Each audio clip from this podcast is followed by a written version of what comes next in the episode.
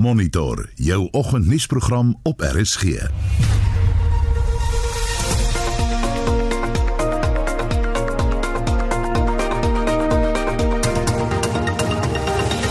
In vanoggend se program die Amerikaanse Voedsel- en Medisyne-registrateur sê Johnson & Johnson se COVID-19-enstof is veilig en doeltreffend. 'n Hofstryd oor die toelating van eerstejaars by Unisa. Die FAK is besig met 'n projek om lewensgrootte 3D-afbeeldings van die Paul Creer beeldgroep te maak. Die rekenaar letterlik druk dan met drukker wat driedimensionele voorwerpe druk, druk hulle in 'n plastiek, 'n fyn plastiek van so 3 mm letterlik elke detail wat gevang is met daai skandeerder word gedruk dan in 'n vorms wat dan later aan mekaar vasgeplak word om die geheelbeeld te vorm. In Venezuela se olieproduksie het sedert Desember verlede jaar toegeneem te midde van skreiende hongersnood in daardie land. Goeiemôre en baie welkom by Monitor. My naam is Anita Visser. Môre Hendrik, hoe lyk daai koerante vanoggend? Anita, daar is verskillende stories op die eh, voorblaaie van die Afrikaanse koerante. Beeld lê met 'n hoofopskrif wat sê Mfuleni staat vat water oor. En dit is uh, naamlik dat die Nasionale Departement van Water en Sanitasie nou besluit het hulle gaan die dienste by Mfuleni daar in die Vaal omgewing oorneem na 'n ondersoek deur die Menseregte Komitee of Kommissie oor rioolbesoedeling in byvoorbeeld die Vaaldam. Die Burger en Volksblad se hoof uh, berigte op hulle voorblaaie uh, het te doen met 'n uh, nog 'n korrupsie skandaal wat die voormalige Vrystaatse premier Ysmagashule getref het. Dit is um iets wat gebeur het terwyl hy premier was. Hy's deesdae die ANC se sekretaris-generaal. Die burger se hoofopskrif eis korrupsiebom na bedrog met huise en Volksblad se nog 'n eissaak op die spits gedryf en dit het te doen met 'n hophuisskandaal uit sy era soos wat ek gesê het as premier en dit blykbaar iets soos 1 miljard rand en dalk tot 2,4 miljard rand beloop. Nou jy moet dit vergelyk met die ander groot skandaal waarby die voormalige premier betrek word, naamlik die Vrede Suiwelplaas projek en die koste daarvan moet 'n mens nou sê was maar 'n skamele 380 miljoen rand as jy dit vergelyk met hierdie nuwe uh, beweerde skandaal. En dan is daar uh, op die IOL uh, aanlyn se voorblad 'n berig oor die herrie wat nou ontstaan het nadat 'n TV-joernalis van 'n nie SAK kanaal onderhoude met politieke leiers na die begrotingstoespraak die afgelope week gevoer het en glo nie eweredig opgetree het in haar versoek dat die leiers maskers moet dra vir die onderhoude nie. Landbeweekblad berig in sy nuutste uitgawe onder meer oor die welkome reën in die Noord-Kaap en ook oor meer as 4000 plaaswerkers wat hul werk kwyt kan wees weens die verhoogde minimumlone. En dan 'n baie tragiese storie Anita om mee af te sluit oor 'n matriekmeisie die berig verskyn op die Burger se voorblad. 'n Matriekmeisie wat dood is voordat sy gehoor het sy is in die top 10 van haar skool. Sy is 'n matrikulant van Melkhoutfontein in Stilbaai. Haar naam Shanisa Snyman, 17 jaar oud en sy is aan tuberkulose dood sê die hmm. berig 'n dag voordat sy Dinsdag sou hoor. Sy is onder die skool Gerrit Du Plessis op Riversdal se top 10 presteerders. Die maatskappy Identify waarsku dat al hoe meer mense wat aanlyn inkopies doen, slagoffers kan word van misdaad. Nou, ons wil vooroggend weet, was jy al 'n slagoffer van aanlyn misdaad? Vertel ons wat het gebeur en hoe beskerm jy jouself wanneer jy besluit om aanlyn sake of inkopies te doen? Daar's natuurlik ook die opsie soos wat ek doen om dit glad nie te gebruik nie. Stuur vir ons 'n SMS na 45889, dit kos R1.50 of gaan na facebook.com vorentoe skynstreep ZRC of WhatsApp vir ons stemnota na 076 536 6961 076 536 6961 Die EFF se studentebevelsraad het die Hooggeregshof in Pretoria genader oor vanjaar se toelatingsproses van eerstejaars by Unisa. Die organisasie het reeds dokumente by die Hooggeregshof ingedien teen die minister van Hoër Onderwys, Dr. Blyden Zimande en Unisa. Dit volg nadat Nzimande opdrag aan Unisa gegee het om die getal nuwe studente met 20000 te verminder vir die 2021 akademiese jaar. Vincent Mofokeng het al die besonderhede. Die EFF se studente bevelsraad beskuldig die minister van hoër onderwys en opleiding, Dr. Blade Nzimande, daarvan dat hy 'n onwettige opdrag aan Unisa uitgereik het. Die studente liggaam se president, Mandla Shikwambana, sê die opdrag sal beteken dat duisende studente van toegang tot hoër onderwys ontneem sal word. You cannot, as a minister, give such an instruction to actually reduce the number of uh, students that must access education in this academic year. So we have taken a decision to actually challenge and fight Blade and also demand that Blade must be removed from that office. Blade is old enough that he must leave the office because that office doesn't need someone like Blade anymore. Someone who cannot think, someone who's always, you can see we've got crisis in South Africa. The South African government itself doesn't care about the education of South Africans. Unisa het verlede jaar 57000 eerstejaars studente ingeskryf. Die tersiêre instelling beoog egter om te voldoen aan Nzimande se versoek om die aantal eerstejaars studente vir die 2021 akademiese jaar te verminder na 37000. Die woordvoerder van Unisa, Martin Ramotsela, sê die universiteitsraad het besluit om die opdrag van die minister na te kom. Indeed, the university did receive a correspondence from the minister that we need to look into the question of managing the number of first time entering students in 2021 as a result of the oversubscription that we've had in the last year. And uh, the university took that into, into account, together with the fact that at any rate, Our enrollment in the university is managed in line with the enrollment plan, which is approved by the department annually. And in this instance, in 2021, the enrollment plan of the university puts a target of 376,000 students. Ramotsela sê hoër onderwysinstelling kan slegs 'n sekere aantal studente keur omdat ondersteuningsdienste wat die studente benodig beperk is.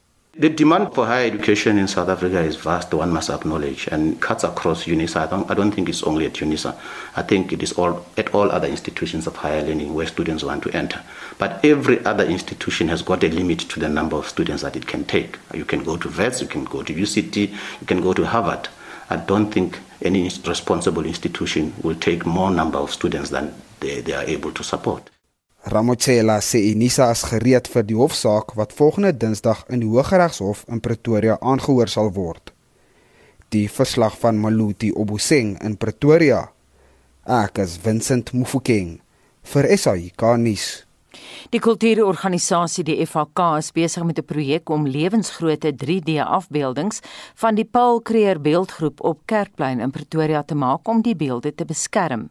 Die beeldgroep is deur die internasionaal erkende beeldhouer Anton van Wouw gemaak.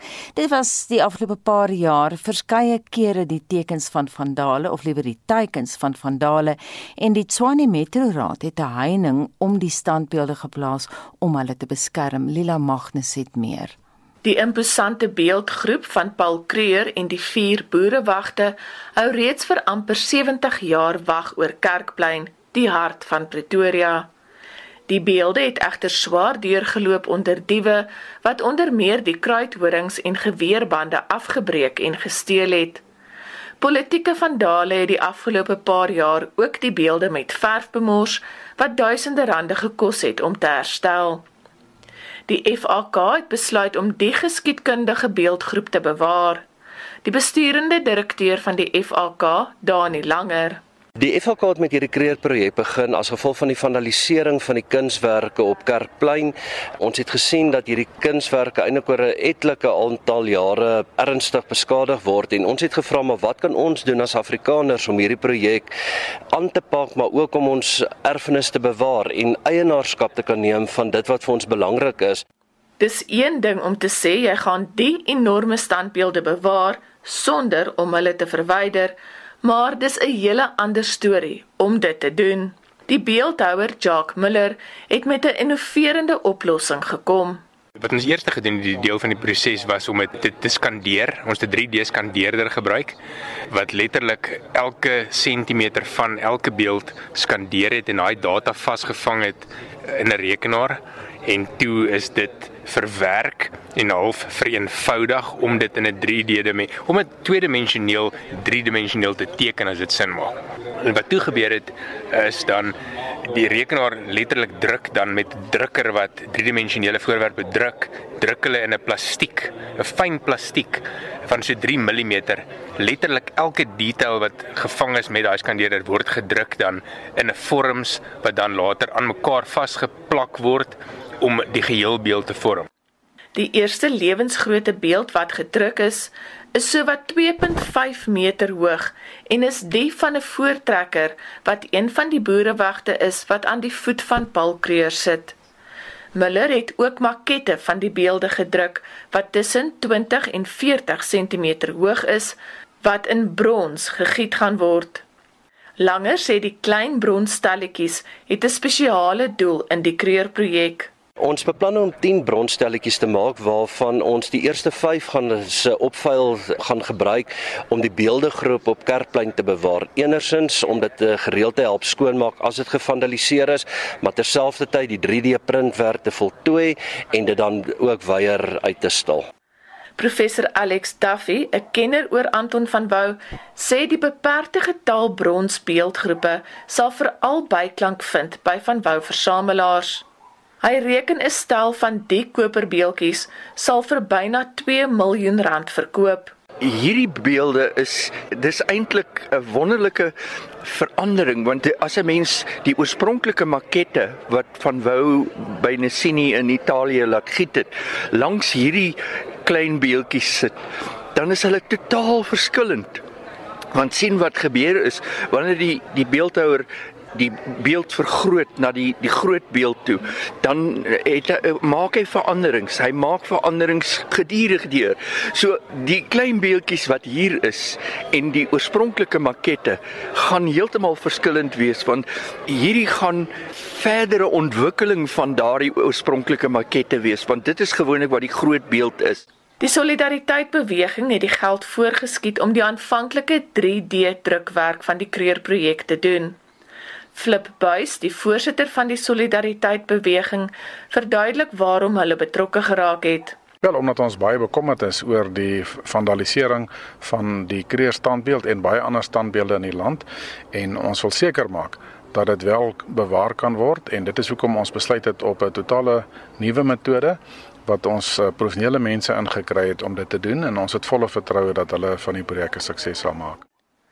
Hannes Neut, voorsitter van die Kreurgenootskap, sê die rol wat Paul Kreur in die land se geskiedenis gespeel het, kan nie onderskat word nie. Kyk, Kreer is regtig in 'n groot mate die gees en die krag van die Afrikaner. As jy mens kyk na die tyd waarin hy geleef het, was hy wêreldwyd eintlik erken as een van die grootste leiers van sy tyd. Dit is interessant dat wêreldleiers nie geskroom het om te sê dat hoe groot hulle hom ag en hoe hoog hulle hom beskou as persoon nie. Ons in die Kreergenootskap sê altyd jy kan nooit 'n mens vereer nie, maar ons ag sy nalatenskap baie hoog. Uh juis omdat mense kan sien dat die dinge waarvoor Kreer gestaan het, vryheid en onafhanklikheid vandag nog so belangrik is. Daar is nog nie besluit waar die brons lewensgrootte Paul Creer beeldgroep se finale staanplek sal wees wanneer dit voltooi is nie. Ek is Lila Magnus vir SAK nuus in Pretoria. Jy luister na Monitor elke weekoggend tussen 6 en 8. Dis nou byna 6:30 in die hoofnuus. Onderwysers sal van April af teen COVID-19 ingeënt word. 'n Vrou van Groblersdal wat haar twee kinders ernstig beseer het in 'n klaarblyklike poging om hulle te vermoor, doen vandag aansoek om borgtog. En 'n kenner sê al hoe meer Suid-Afrikaners word slagoffers van identiteitsdiefstal bly by ons. Ek is baie nuuskierig om te hoor wat sê luisteraars volgens. Ek is skepties oor aanlyn aankope. Anita se ons wil weet na aanleiding van uh, die maatskappy Identify wat waarsku dat hoe meer mense aanlyn inkopies doen, hoe meer word hulle blootgestel aan aanlyn misdaad of luisteraars alself so ervaring gehad het en uh, dan moet hulle vir ons asseblief sê wat het gebeur en hoe hulle verseker dat hulle meer veilig aanlyn inkopies kan doen. Samuel Walters van Gouda was eerste uit die blokke op ons SMS lyn. Hy sê nee, ek koop nie aanlyn nie. Want gelukkig as ek te dom of onkundig om dit te doen. En dan op Facebook uh, Alminda Talana Breitenberg wat sê ek het nog nooit aanlyn inkopies gedoen nie, maar op 24 Desember 2019 is daar 44000 rand se aankope deur my rekening by 'n betrokke bank met bedrag van R1000 ten minste 20 keer en dan weer R500 en R300 gedoen. Die bank weier om iets daaraan te doen en dit was my groot verlies op 77 jarige ouderdom. Mm. Baron van der Merwe sê tegnologie was mos nou veronderstel om die oplossing vir alle probleme te wees, maar nou smaak dit hom dat dit nou nie die geval is nie. En dan uh, Stefan de Bruin wat sê ek koop bitter min aan, maar die kere wat ek dit wel gedoen het, het ek nog nie probleme gehad nie. Bets Ferreira sê ek sê het skoene aan en gekoop en sover geen probleme ervaar nie. En dan Ursula Prins wat sê sy het ook nog nooit aan en gekoop nie en weet nie eens hoe om dit te doen nie, maar sy word om een of ander rede deur dieselfde bank waarna Alminda verwys het gevra om geld na rekening te betaal want dis kwant sy is oortrokke, maar daar bly elke maand geld oor sê sy. En dit is uh, van die kindertoelaag wat haar ma of ouma sou ontvang vir die klein kinders en dit is vir haar 'n vreemde situasie. En dan is daar um Hanna van Bloemfontein Anita wat vra kan RSG nie asseblief vir 'n tydjie die ou en nuwe plekname gebruik in nuus en weerberigte nie. Ek um, veronderstel dat dit te doen met die nuwe name daar in die Oos-Kaap soos hoe sê mense nou weer vir Port Elizabeth? Mhm. ek sê maar die baie. Maar ek moet sê dat baie van RC se aanbieders gebruik nog beide. Ek dink dit is nogal ja. helpvol ja. So stuur vir ons jou SMS na 45889 om te vertel of jy al 'n nare ervaring met aanlyn inkopies gehad het. Anita gaan ek nou nou vertel hoekom sy glad nie daarvan hou nie. nee, ek gaan net sê jy gaan vir ons vertel van jou slente. Daar is 'n mes kos jy 150 elk en dan kan jy natuurlik saamgesels op ons Facebookblad by die Monitor en Spectrum blad of jy stuur vir ons asseblief 'n kort stemnota via WhatsApp na 0 0765366961 ek herhaal dit net 0765366961 Ek praat nou van jou slenter maar dis nie wat ek bedoel nie. Jy het eintlik so effe jou vingers verbrand Ek ek het geleer hoekom 'n mens baie versigtig moet wees. Nou ja, ons hou dit maar nou daar vir eers 6:35 ons gaan na die sportveld. Hier is Shaun Jooste. Ons val weg met cricketnuus in die derde toets van hulle reeks teen Engeland met 10 paltjies gewen en loop nou 2-1 voor in die reeks van 4 toetse.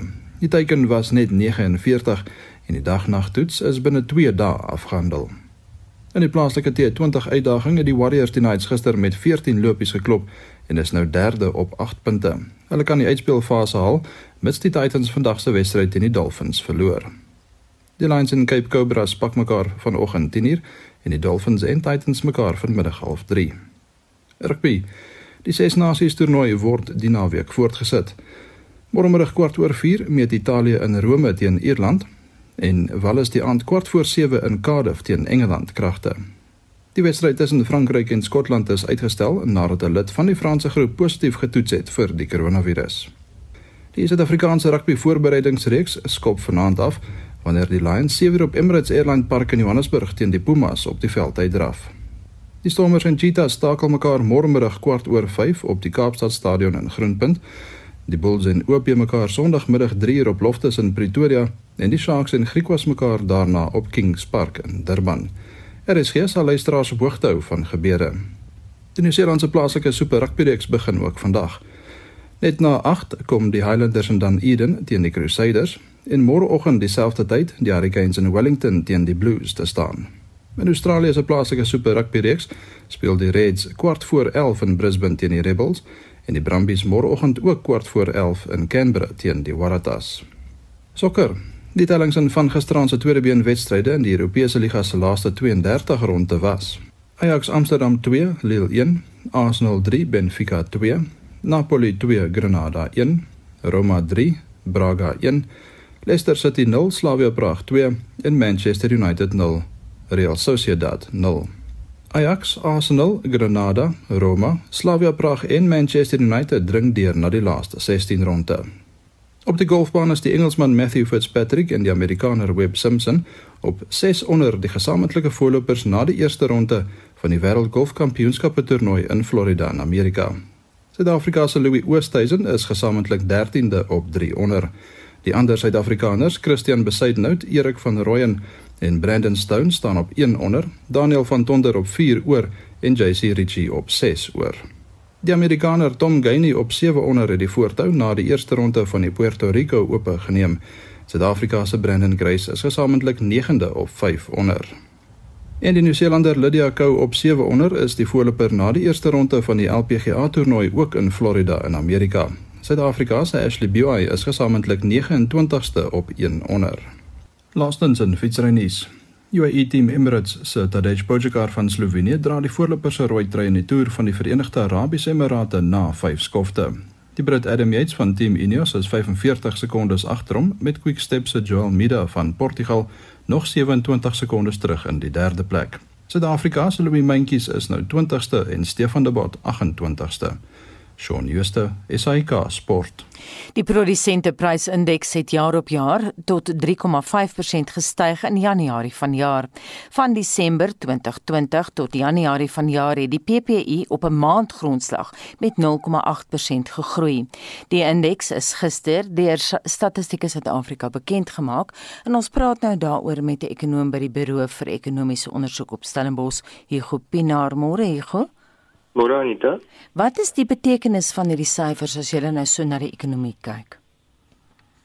So Anita, die PPI gee vir ons 'n aanduiding van die prysdruk wat produsente in Suid-Afrika ervaar en soos jy genoem het, hierdie um, spesifieke indeks kyk na finale bevaardigde produkte. So oor hoofs uh, die 3.5% toename uh, sê vir ons dat daar nie um, oor die algemeen groot druk uh, vir produsente is nie, maar dis nou as mens oor hoofs kyk, as mens nou 'n bietjie binne in die syfers gaan kyk dan dan is die prentjie in sommige gevalle nogal anders. Skets vir ons daai prentjie?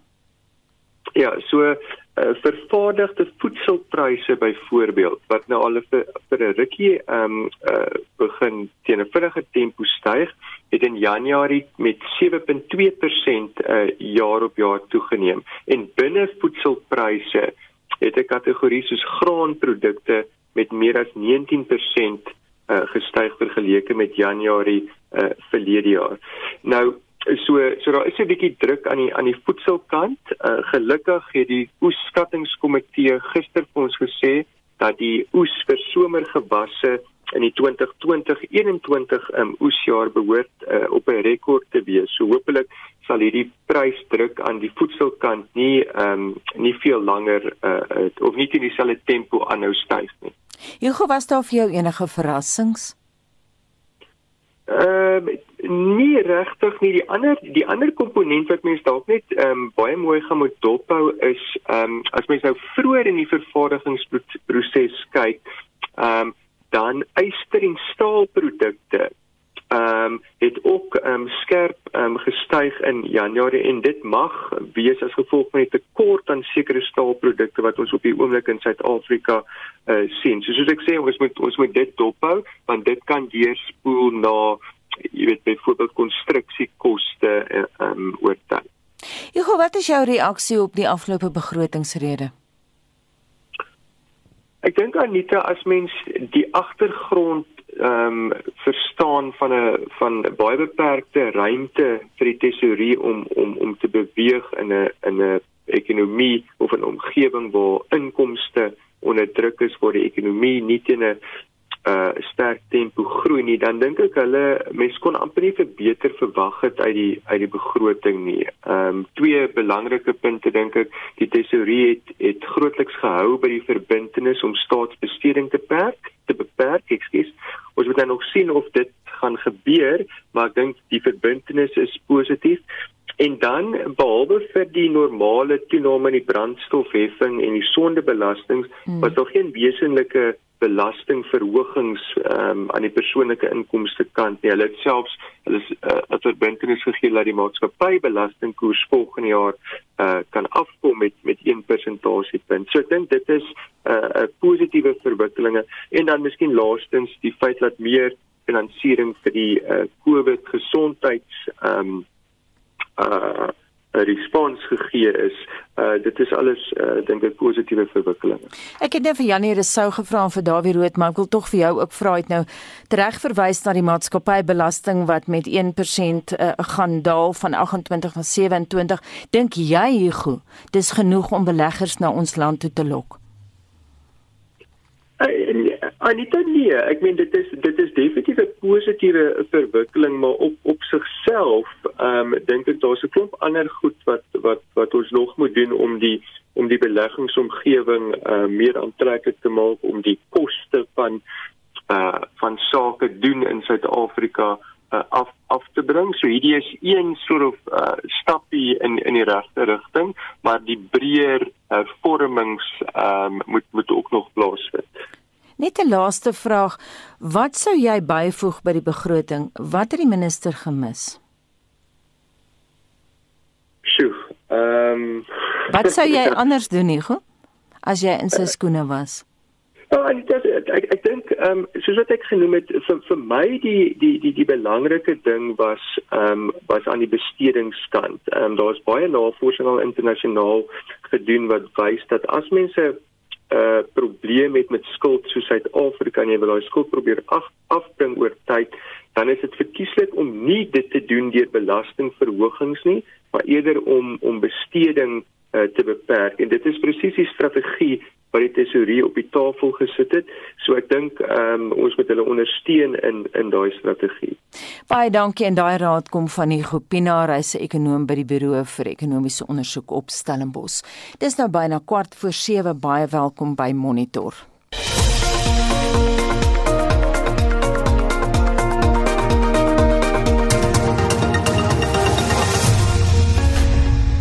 Terug na die storie waarop ons SMS vraag vanoggend geskoei is. Die toename in aanlyn aankope het gelei tot 'n gepaardgaande stygings in misdaad. Al meer Suid-Afrikaners word dan ook slagoffers van identiteitsdiefstal, maar kom dit eers agter wanneer hulle buitensporige rekenings begin ontvang. So waarsku die bestuurshoof van Identify, Gurgeva. The demand for e-commerce is driving individuals to share personal information, credit card information online. And once that data is shared, if it is not housed in a secure way by the vendors who you're buying from, that data can subsequently be exposed. So one is to be very, very careful with the counterparties uh, with which we share the online information and with which we share the credit card details because even if it isn't credit card details, it's only personal information.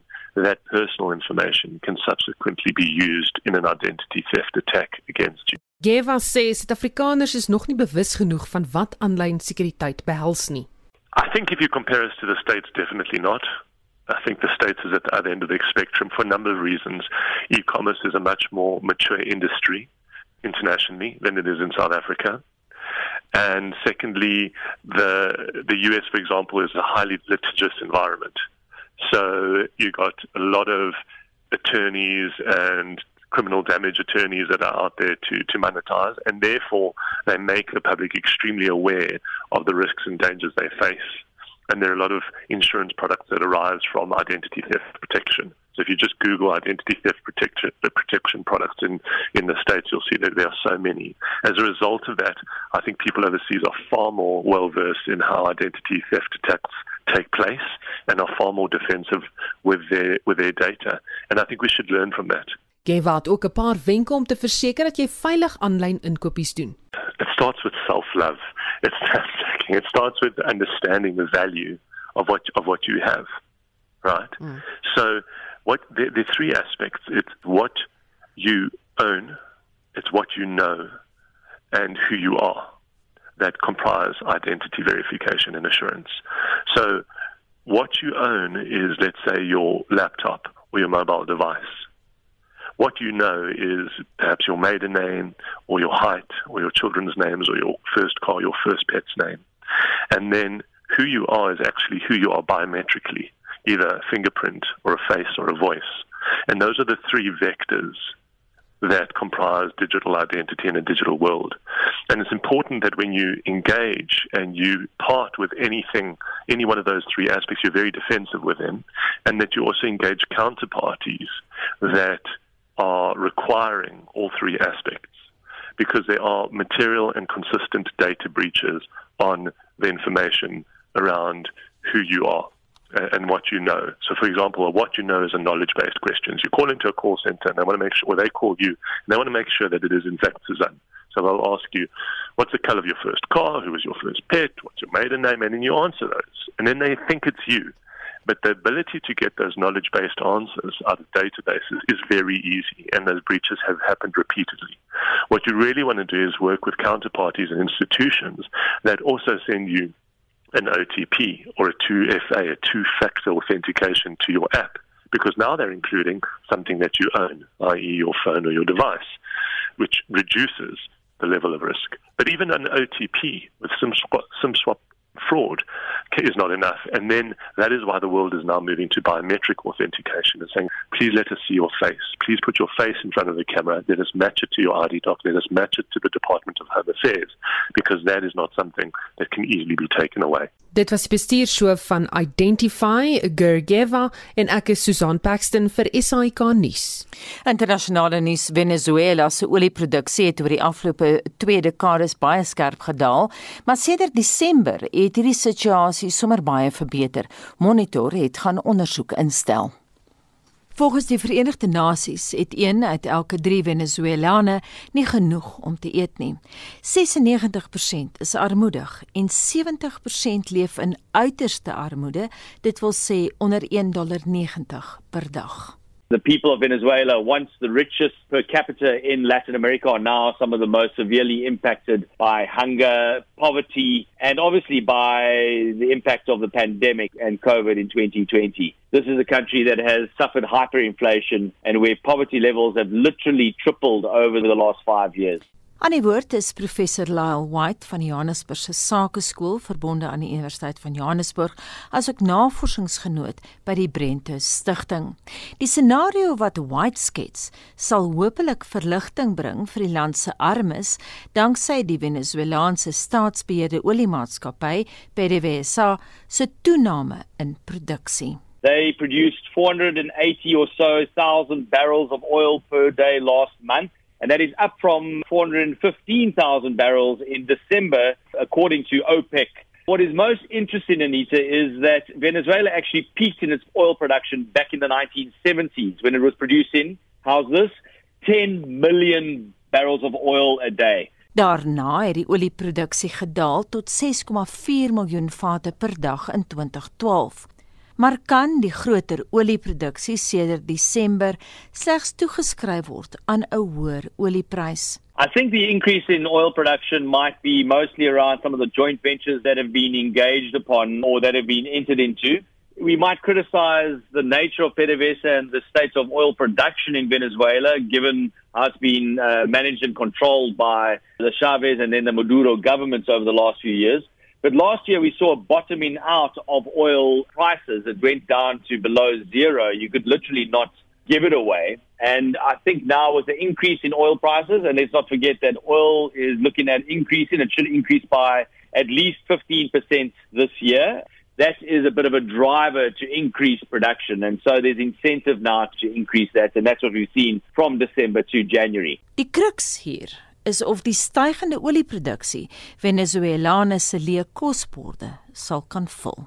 That is a very, very good question because we do know and how this impacts the man on the street in Venezuela. Venezuela is a country that is exclusively dependent on oil and oil exports. And let's not forget they produce heavy crude oil, which is only imported by a handful of countries, including the United States, by the way. So how this will impact, obviously an increase in production means an increase in perhaps exports, so an increase in national income, which should filter down technically to the man on the street. But we do know that this is also obviously captured by the political elite and by the government of Nicolas Maduro. So for now, there will not be improvement or outcome for people in Venezuela. Oil production probably has to resume to around a million barrels a day to have any significant impact on people in Venezuela so we can actually see real cash flowing in. En sou 'n sterker ekonomie diktator Nicolas Maduro genoeg selfvertroue gee om die wurggreep op sy landsburgers te verslap. I'm not all that bullish about Maduro's government in Venezuela. In fact, I'm quite skeptical about the freedoms that they grant people and the freedoms of media. He always talks about self determination and how countries, and this is with his engagement in foreign policy, especially with the United States, our countries have the right for self determination. But what we have seen and the track record shows Maduro does not practice that self determination and democratic approach in his very own country. Intussen het 'n vyfde van Venezuela se burgers land uitgevlug. Dit wil sê nie minder nie as 6 miljoen het elders 'n tuiste gaan soek. 2 miljoen sit reeds in hulle buurland Kolumbie waar president Ivan Duque hulle probeer help met sy beleid van tydelike beskermde status wat vir 10 jaar lank sal duur. This will go down in history as a great model for others to replicate. So this is a phenomenal breakthrough. In Colombia, the 10-year grant of temporary protection status takes an entire refugee and migrant population out of the legal, financial and social limbo that refugees often find themselves in. And as such, it is really the boldest and most visionary response to date in the Americas to Venezuela's humanitarian crisis. This is the first time we've seen a country in Latin America respond so directly to the crisis, allowing refugees to enter the job market instead of relying on, say, the informal sector. This reduces the dependency on humanitarian aid and it lets them to contribute to Colombia's post-pandemic economic recovery. Boonop is daar ander voordele vir die ontwortelde Venezuelane. It also includes the Venezuelans, which is a growing part of the population in Colombia, in COVID vaccinations. It allows Venezuelan children to enter the schooling system. All in all, it empowers Venezuelan refugees in their new country of residence now, that being Colombia. Dit dan professor Lyle White van die Johannesburgse Sakeskool aan die Universiteit van Johannesburg. Hy's ook navorsingsgenoot verbonde aan die Brenthurst Stichting. Dis nou 5 voor 7. Inwoners in sommige voorstede van Johannesburg sal die naweek vir 30 uur sonder water wees. Johannesburg Water se woordvoerder Eleanor Mavimba sê Randwater beplan om instandhouding aan die infrastruktuur te doen. Rand Water, Johannesburg Water's bulk water supplier, is planning a major shutdown that is expected to last for 30 hours. The shutdown will commence from 1 p.m. on the 27th of February and is expected to end on the 28th of February 2021.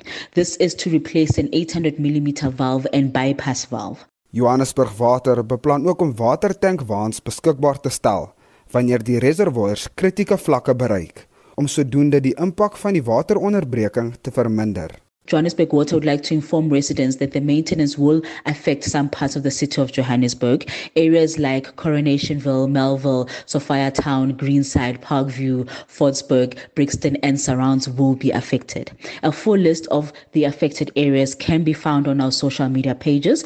On Twitter, we are at JHB Water. On Facebook, it's Johannesburg Water, as well as on our website, it's www.johannesburgwater.co.za. We also will be having um, water tankers placed at strategic locations for the duration of the shutdown. A full list of where these tankers will be placed can also be found on our social media pages. We do apologize to all affected residents for the inconvenience caused. Dit was Eleanor Mavimba, Johannesburg Water se woordvoerder. Vincent Mufokeng Esai Kanis. Heinrich, wat sê ons terugvoer? Is mense skepties oor aanlyn inkope? Anita, daar is mense wat hulle vingers al verbrand het en ander wat sê hulle bly gewoon weg daarvan af. Um, en ons vra die vraag natuurlik na aanleiding van Identify die maatskappy wat gewaarsku het dat hoe meer jy aan den inkopies doen, moet jy ook besef dat jy jouself meer blootstel aan aanlyn misdaad. Uh, Renata Roos sê ek het 'n hele paar jaar gelede kaartjies gekoop by CompuTicket op my selfoon ingebel en daarna is R24000 uit my kredietkaart mm. onttrek in Durban. Iemand het het meubels gekoop en dit toe nogal afgerond met 'n duur ete. Ekskuus ek weet nie of mense mag lag nie. Gelukkig het die ja. bank my gebel en gevra of ek die transaksies gemaak het en daar was 'n versekering op my kaart dat dit wel 3 maande geneem om die geld terug mm. in my rekening te kry en ek het so geskrik dat ek vandag nog baie traag aanlyn iets koop. Ja, want in daai 3 maande sit jy sonder kontantvloei terwyl jy nou wag vir jou geld. Presies, behalwe as uh, Renata die uh jy weet vermoë gehad het om aan te gaan met haar lewe ehm um, ten spyte van daai verlies. En dan is hier uh, Kobus van der Merwe wat sê Heinrich en Anita, die senior burger wat daai enorme bedrag by haar bank verloor het, beter hulp kry dat die polisie 'n dossier open. Elizabeth in Durban sê uh, sy doen reeds die afgelope 15 jaar aanlyn aankope plaaslik en oorsee en het tog nooit probleme gehad nie. Dit is baie gerieflik, spaar tyd en dit is vir haar tot nou veilig gewees. Iemand anders wat sê anoniem um, om aftrekkings te stop is wag nee, laat ek maar daai in los want ek weet nie wat die persoon probeer sê nie. En dan hier is hier is 'n student, 'n student by ons wat inkopies doen vir jou doen vir R100. Mm. Dit beteken seker die persoon gaan doen dit dat en jy betaal dan die persoon R100. Dit is vir haar studies, jy maak jou lys, jy maak jou lys van produkte en uh, watter keuse van winkel.